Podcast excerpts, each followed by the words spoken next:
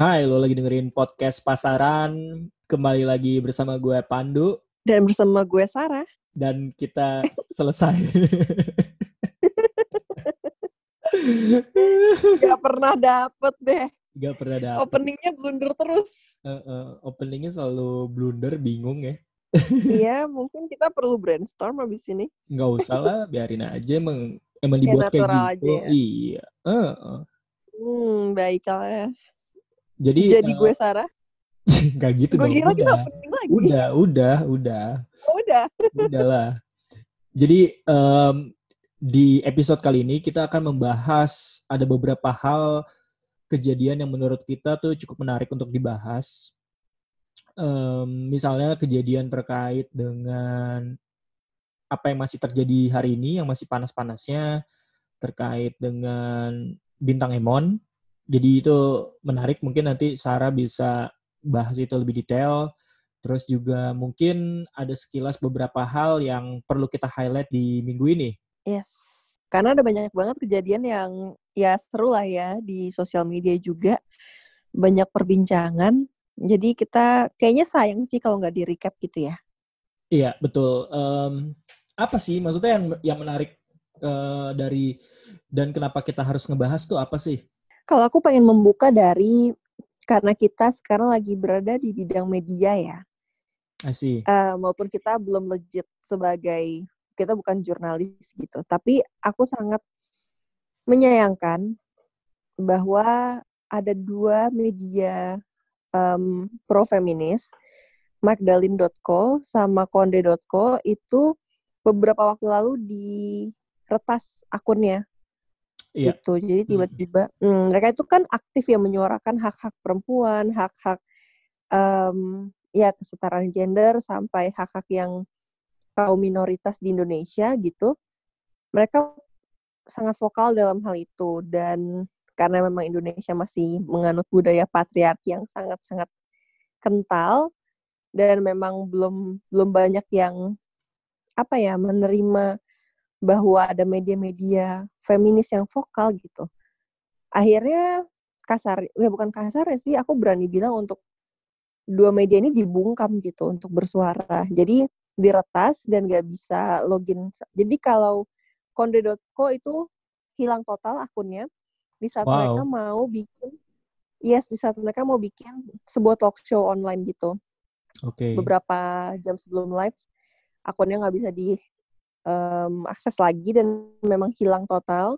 Jadi mereka harus bikin akun baru dan Magdalene itu juga ya diretas. Jadi nggak bisa ini lagi nggak bisa masuk lagi websitenya dan editor-editor Magdalene yang sangat sedihnya adalah mereka kena doxing. Doxing itu kayak em, jadi tiba-tiba beberapa editor Magdalene fotonya itu di diedit ya, diedit mukanya terus ditempel ke foto cewek-cewek yang berpakaian minim bahkan kayak yang nggak berpakaian terus disebar di media-media online gitu.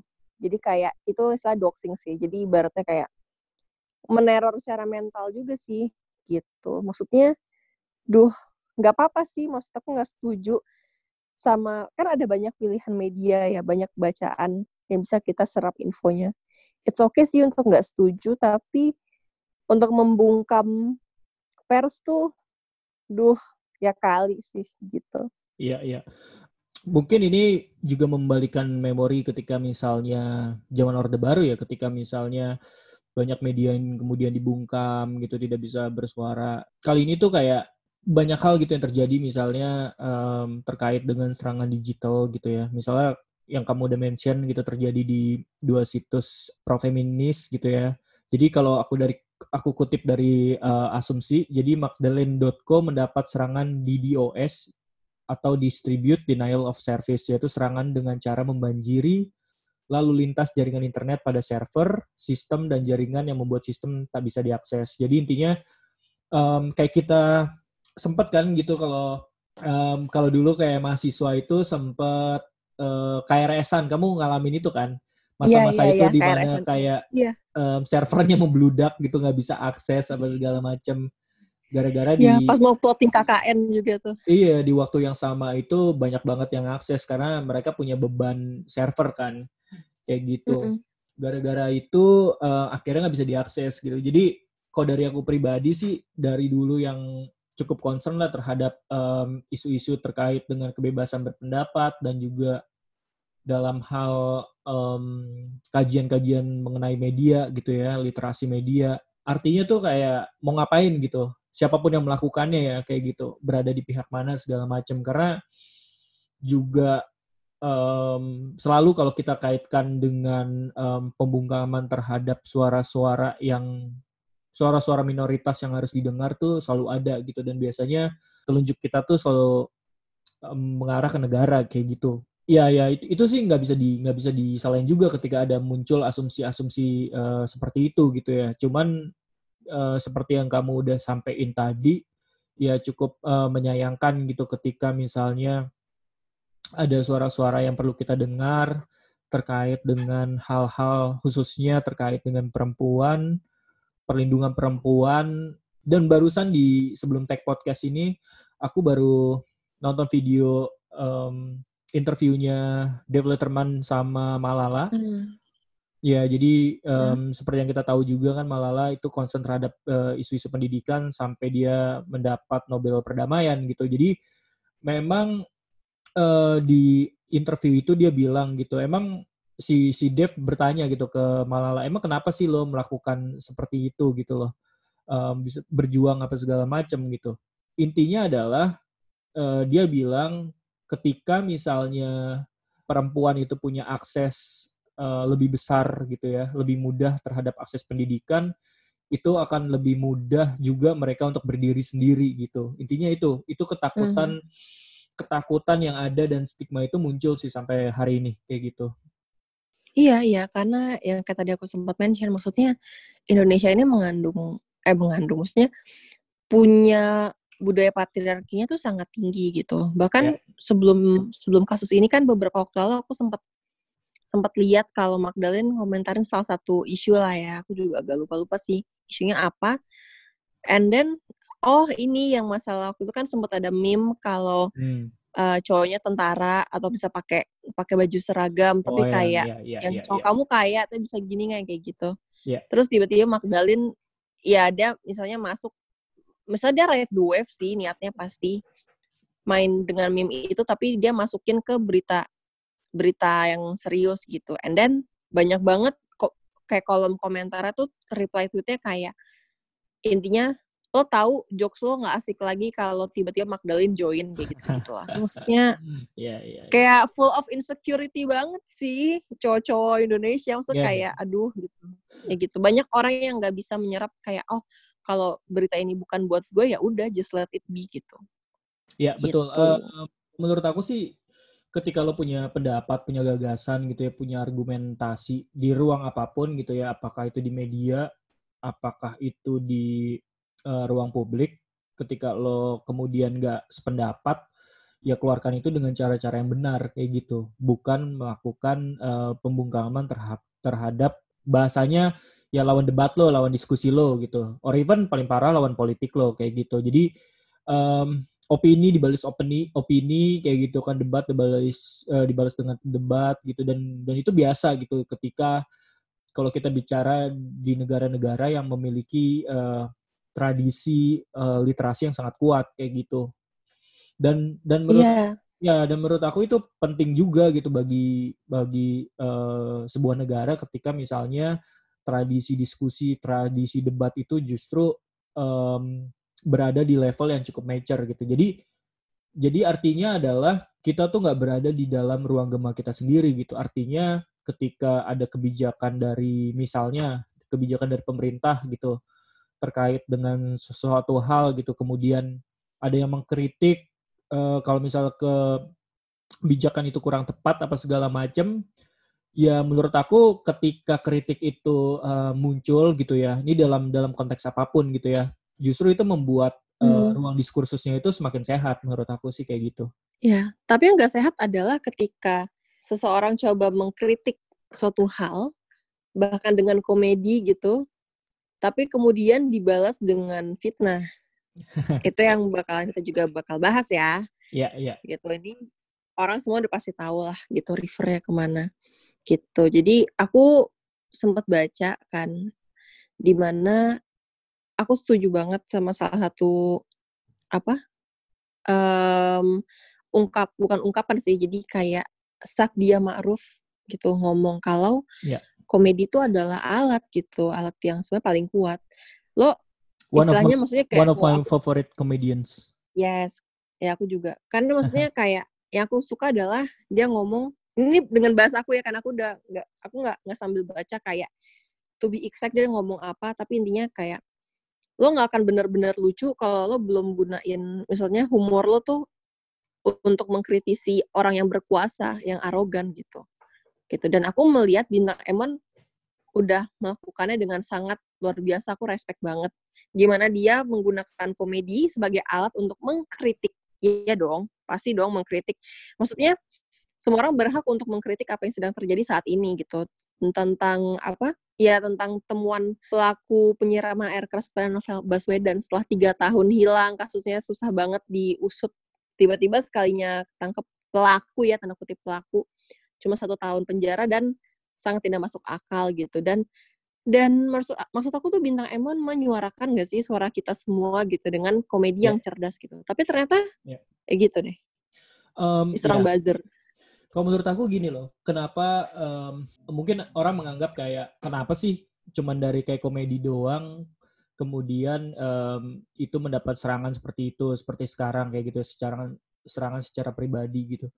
Pertama adalah uh, komedi itu menjadi medium yang paling tepat untuk menyampaikan informasi gitu. Sekarang uh, berapa banyak sih orang yang akan yang membaca koran gitu, membaca berita-berita yang secara komprehensif terkait dengan kasus itu gitu. Tapi ketika dibawakan melalui format komedi, kemudian orang menjadi aware gitu. Oh, ternyata ada isu mengenai hal-hal yang emang harus kita perhatikan gitu. Dan kemudian orang-orang yang belum aware terhadap isu tersebut gara-gara isu itu diangkat lewat komedi, kemudian orang um, menjadi tertarik untuk membahasnya gitu. Itu yang menurut aku keistimewaan dari komedi gitu. Karena mm. sejarahnya di Indonesia pun uh, komedi itu di, dijadikan sebagai medium untuk melakukan kritik gitu. Kalau misalnya uh, teman-teman tahu apa namanya warkop kayak gitu, mereka itu orang-orang yeah. cerdas kayak gitu. Um, misalnya kayak apa namanya orang yang kelahiran 80 sampai 90-an tahu gitu jokes-jokesnya Warkop itu kayak gimana gitu. Dan bahwa kemudian kesehariannya um, si Dono adalah seorang aktivis kan gak banyak juga yang tahu gitu. Jadi itu yang membuat menurut aku kenapa um, untuk beberapa pihak komedi menjadi medium yang berbahaya gitu ketika dibicarakan um, atau membicarakan konteks mengenai kritik atau ketidakadilan gitu itu yang membuat dia diserang sama orang-orang yang tidak suka gitu. Padahal ya itu tadi secara kasus kalau misalnya aku bisa uh, bicara dikit gitu ya. Tadi kamu udah menyinggung kalau misalnya kasus ini tuh udah terlalu lama dan segala macam gitu. Ya bahkan aku sering kali mengikuti beberapa interview novel Baswedan gitu ya dan juga uh, diskusi sama teman-teman pegiat anti korupsi misalnya, ya dari awal ya kita udah pesimis gitu terhadap perkembangan kasus ini gitu. Or even orang yang sekarang misalnya diadili yang tadi itu dari sisi apa namanya tuntutan jaksa cuma satu tahun ya dianggap cuman akal-akalan aja gitu pertanyaannya apakah mm. dia yang melakukan gitu kan mm. the point is otomatis ketika ada apa namanya ada kejadian seperti ini tuh di baliknya tuh ada dalang gitu. Apalagi melibatkan uh, aparat. Itu kan yang selalu di uh, disuarakan sama teman-teman uh, aktivis gitu yang pro terhadap uh, perkembangan kasus ini khususnya untuk teman-teman yang bergerak di uh, wilayah anti korupsi kayak gitu. Jadi um, ya dari awal memang aku melihatnya secara pribadi juga aku nggak tertarik sebenarnya ketika ketika apa namanya ketika dua orang ini kemudian kalau nggak salah dia mengaku ya mengaku melakukan penyiraman apa segala macam gitu di awal kasusnya. Mm. dan aku sama sekali nggak tertarik untuk ngikutin gitu karena uh, bahwa kemudian polisi sebegitu lamanya untuk menangkap aktor penyiraman aja udah ya udah udah terlalu lama gitu. Terlalu terlalu banyak hal-hal yang menurut aku ditutup-tutupi gitu. Jadi hmm. ya menurut aku ya sangat lucu sih untuk mengikuti kasus uh, yang sekarang terjadi kayak gitu jadi benar-benar iya. benar-benar lo berada di teater sandiwara aja gitu untuk untuk melihat kasus itu jadi uh, juga kita perlu uh, perlu shout out juga buat uh, bintang Emon dengan keberaniannya untuk mm -hmm. um, melakukan kritik dan menurut aku um, apa yang dilakukan itu udah sangat tepat kayak gitu. Yes, kalau kayak minggu lalu kita sempat bahas soal perlu nggak sih semua orang yang punya platform platform besar itu bersuara gitu. Dan kita udah bahas minggu lalu soal, soal Anya Geraldine kan konteksnya gitu. Nah ya. kalau yeah. yang ini aku sangat-sangat setuju. Aku melihat bintang Emon melakukan melakukannya dengan benar, melakukannya dengan cerdas dan menggunakan platformnya dengan ya dengan powerful gitu dari awal zaman corona, ya, corona betul. beredar itu dia kayak dia ngomongin hal-hal menjadi keresahan. Sebenarnya keresahan kita semua gitu. Lalu dia suarakan ya. dengan brilian, ya. dengan sangat mewakili gitu. Jadi aku melihat dia anak menggunakan ini, platformnya dengan jenius. Iya, betul. Ya. Gitu. Iya sih. Jadi kayak maksudnya memang di di negara yang sayangnya masih labelnya tuh demokrasi gitu katanya, tapi kayak memang ah, cukup cukup apa ya, cukup harus berhati-hati gitu. Sekarang aku lihatnya untuk bicara sedikit tuh hati-hati, bicara dikit, vokal dikit bisa kena either yeah, misalnya kayak Raffio Patra kemarin yang difitnah gitu. Yeah. Tiba-tiba diciduk atau bisa kena undang-undang ITE kayak sekarang tuh chaos itu sih menurut aku untuk Betul. dari sisi kebebasan bersuaranya. Ya, um, menurut aku gini, kayak platform seperti podcast gitu, sekarang kan belum ada uh, kontrolnya nih, kontrolnya masih terlalu lemah kan, hmm. terkait dengan um, apa namanya apa yang disuarakan, konten-konten yang beredar di podcast lah kayak gitu. Kalau misalnya kita bicara tentang radio gitu, mereka udah ada um, udah ada batasan-batasannya sendiri kayak gitu.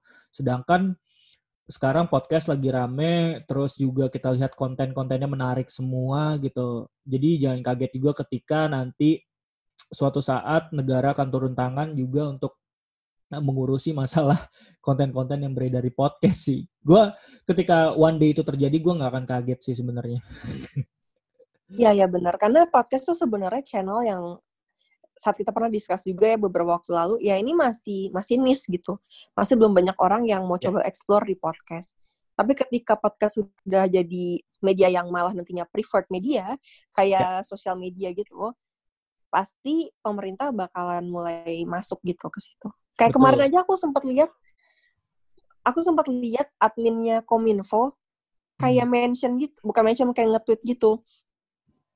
Media sosial apa sih yang lagi kalian sering ikutin gitu. Oh, Terus iya. kocaknya adalah semua orang langsung reply, eh jangan ada yang reply nanti di blok. Iya, nanti iya, di blok iya, iya, iya, aku baca gitu. itu. Iya, betul. Iya kan? karena karena Maksudnya emang nanti aku, iya, kayak kominfo gitu kayak so asik ini. Iya iya iya iya. aduh. Mas, mereka tuh mau mau so mau so menjangkau kita padahal sebenarnya yeah. punya agenda aja dan kayak ya aku percaya sih masyarakat sekarang udah sangat-sangat tidak bodoh gitu dengan apa yang terjadi saat-saat ini gitu. Iya, iya betul. Itu sih yang um, makanya aku sempat bilang kan kalau nggak salah di pembahasan yang terkait dengan pasaran media ya gitu.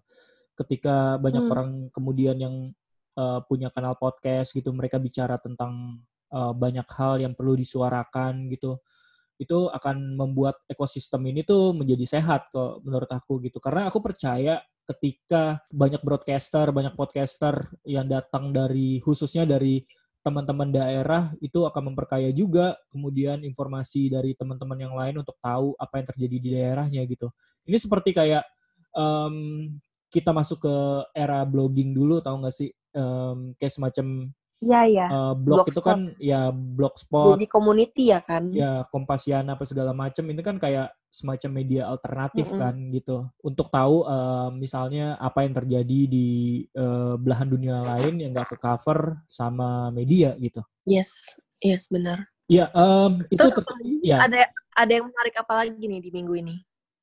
Um, apalagi ya yang ter yang cukup menarik?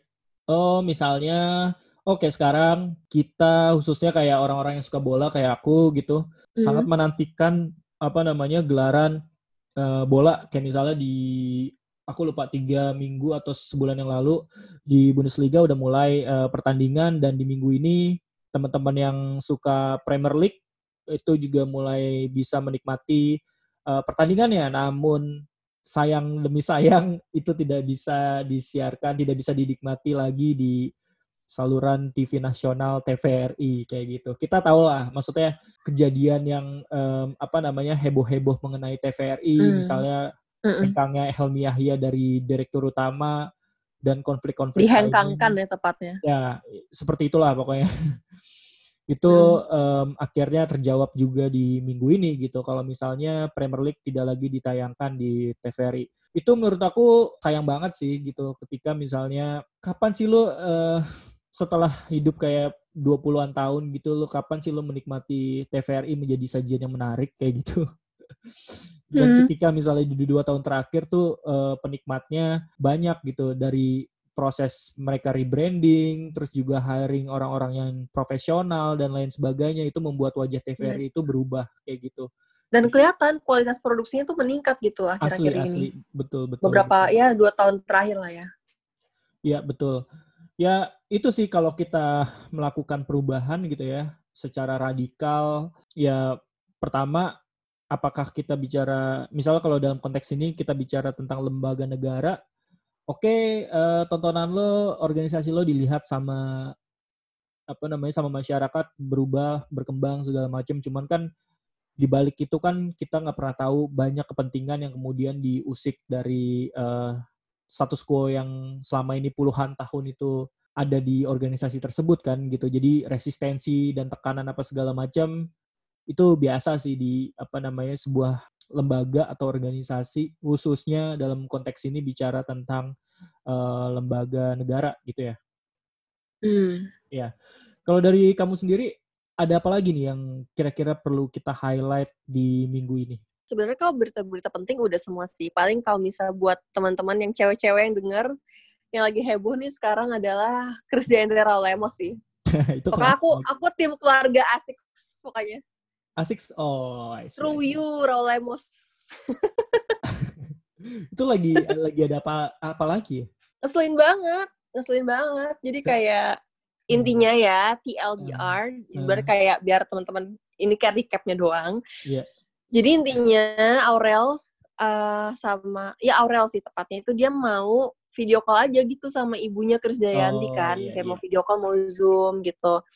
Buat pertama buat vlognya cuma untuk kayak kayak edisi lebaran deh gitu. Terus kayak si Chris Dayantinya ya jangan uh, jangan syuting ya gitu, jangan syuting Mimi terus kayak Mimi nggak bisa nggak bisa pokoknya intinya, intinya dia kayak menghindar lah Zoom call sama anaknya sendiri ya kan. Hmm. Terus habis itu kayak um, akhirnya oh ya udahlah ibaratnya kayak maksudnya ya udah aja gitu loh. Iya. Anaknya kayak sedih tapi ya udah eh tiba-tiba Raul Lemos kayak bikin jebret gitu, kayak postingan IG story gitu, Apa kayak uh, intinya tuh kayak nyindir-nyindir anak-anaknya Chris Dayanti gitu. Oh. Kayak ya ibaratnya gitulah pokoknya. Hmm kayak nyindir-nyindir gitu tuh akhirnya mereka semua langsung kayak hah kenapa kita diserang lagi dan lagi? Ternyata tuh kayak selama ini emang si Aurel tuh katanya sama Azriel susah banget ngubungin ibunya sendiri gitu. Kayak tuh gara-gara Christian itu takut gitu deh sama Raul Lemos. So oh.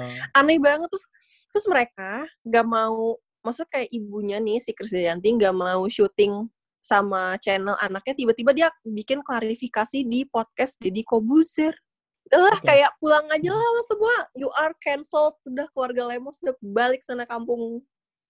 Aneh banget. jadi kesel gitu? Emosi emosi emosi. Yeah, kayak yeah, maksudnya iya. kayak keluarga keluarga asik tuh.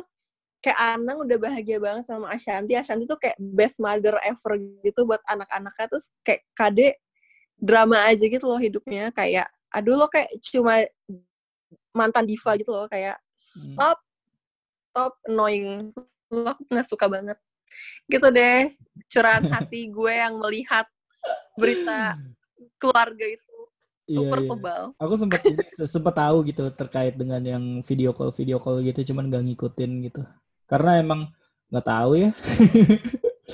kayak sekarang tuh udah terus kamu sih iya udah banyak banget informasi yang ini ya yang beredar segala macem gitu jadi bener-bener emang uh, memilah gitu karena menurut aku apalagi kalau bicara uh, konteks dunia hiburan gitu kan ini berada di kalau bagi aku ya kayak uh, mereka tuh kayak berada dalam spektrum yang berbeda aja gitu yang kayak dari aku sendiri tuh udah kayak nggak mungkin nih gue harus ngikutin ini kayak gitu. iya nggak apa-apa makanya aku bilang tadi kalau teman-teman yang cewek-cewek ini lagi dengerin kita sekarang semoga kayak kalian bisa relate sama gue kayak cancel tuh keluarga Lemos kade. Ew udah gitu doang. Tau, ujaran kebencian. tahu-tahu nanti uh, Raul Lemos terus siapa Chris Dayanti terus keluarganya Anang datang bikin konten bareng Hai guys ternyata kemarin ngeprank gitu gimana? Enggak sih enggak sih. Aku kayak dari awal tuh udah kayak udah enggak udah enggak asik banget. Sumpah kasihan apa namanya Aurel sama Azriel bersyukur banget punya Ashanti udah udah lupain aja tuh kade udah nggak jelas banget iu langsung yang denger langsung kayak triggernya bodo amat tau kayak nggak suka banget sih sama kayak keluarga kade Raul emang super aneh Oke, okay, um, ada lagi yang kira-kira perlu kita highlight? Aku harus menanyakan pertanyaan ini ke kamu. Um, setelah kamu running your own podcast, uh, apa yang kamu rasa? Well, aku excited banget sih. Jadi seneng banget. Akhirnya punya ruang untuk bercerita. Jadi nggak cuma cerita aku, tapi juga uh, membuat suatu ekosistem gitu untuk ruang yang nyaman bercerita bagi teman-teman aku juga gitu. Jadi kemarin sempat ada di episode um, kedua podcast rasa-rasanya itu salah satu teman aku cerita dan setelah itu tayang temen aku ada lagi yang ngontak aku dia mau cerita gitu temen aku yang lain gitu. Jadi kayak maksudnya um, wah berarti antusiasmenya cukup baik gitu. Dan maksudnya um, ya itu membuat sebuah ruang yang nyaman untuk teman-teman aku mau cerita dan mau sharing gitu ke orang-orang yeah. gitu. Jadi dan aku senang sih. Misalnya kan kadang-kadang kayak sebelum tidur so kayak aduh ada kepikiran apa, ide apa, atau pengen ngomongin apa ya udah ada ruangnya gitu sekarang. Jadi excited sih. Kalau ada mungkin yang belum dengerin gitu bisa mampir ke podcast rasanya gitu. Udah ada tiga episode gitu. Iya iya. Karena secara aku pribadi ya, um, untuk yang sebagai pendengar gitu ya, berusaha untuk um, objektif gitu. Podcast rasa-rasanya itu secara konten menarik sih gitu. Um, pertama kekuatannya adalah dari kekuatan uh, storytelling yang kamu punya kayak gitu untuk bisa menceritakan pengalaman seseorang gitu secara rinci gitu. Dan aku udah sempat uh, bilang ke kamu gitu kan kalau misalnya kontennya menarik gitu. Kalau misalnya orang cerita ke gua uh, cerita yang sama ke gua mungkin gua responnya ya udahlah men. Paling gimana gitu gitu doang gitu loh tapi um, melalui format yang kamu punya gitu juga um, menarik gitu buat didengerin. Jadi nggak kaget juga kemudian um, ada orang Thank lain you. ada orang lain yang punya um, cerita yang sama yang pengen diceritakan ke podcast rasa-rasanya gitu ya. Mereka nggak mau di podcast pasaran aja ininya apa namanya ceritanya. Nah jadi um, funny story sebenarnya waktu aku awal-awal yang kita udah ya pokoknya ada lah sebulan dua bulan lalu kan kita emang selalu tiap minggu selalu bikin podcast pasaran kan? Yes. Terus tuh beberapa temen aku ada yang kayak ih mau dong curhat di situ. Tapi aku kayak hah?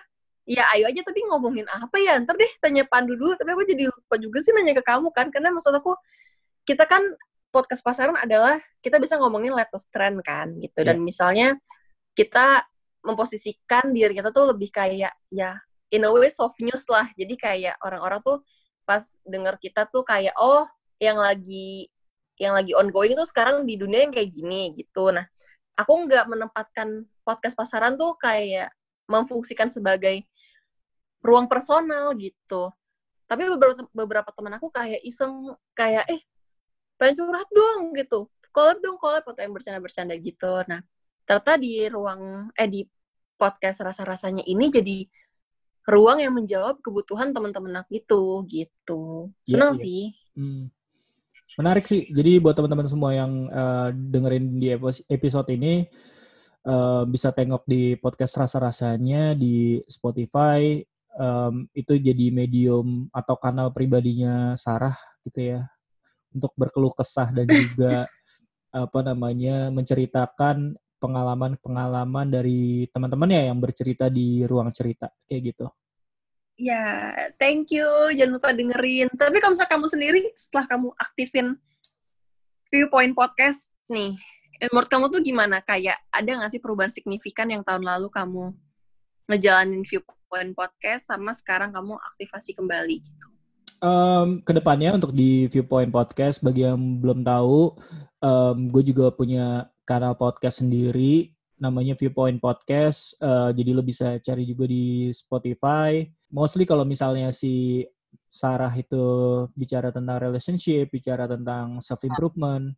Kalau gue pribadi uh, bicara tentang hal-hal yang menjadi keresahan gue gitu, otomatis juga bakal catch up dengan apa yang terjadi di luaran sana sih kayak gitu. Intinya dari perspektif uh, eh, gue pribadi gitu. Jadi kalau kalau cukup tertarik dengan isu-isu mengenai sosial, politik, current affairs dan segala macamnya bisa mampir ke Viewpoint Podcast. Atau kalau misalnya lo tertarik untuk berbicara di Viewpoint Podcast uh, tinggal juga apa ya tinggal komen ke pasaran.media di Instagramnya atau atau DM ya ya DM di pasaran.media atau email ke hi hi uh, viewpoint at gmail.com kayak gitu. Jadi kita bakal senang banget untuk bisa uh, ngobrol dengan uh, banyak orang kayak gitu. Karena misinya, visinya adalah uh, podcast ini atau si pasaran media ini juga menjadi uh, medium untuk uh, banyak orang bisa berkolaborasi juga sih kayak gitu.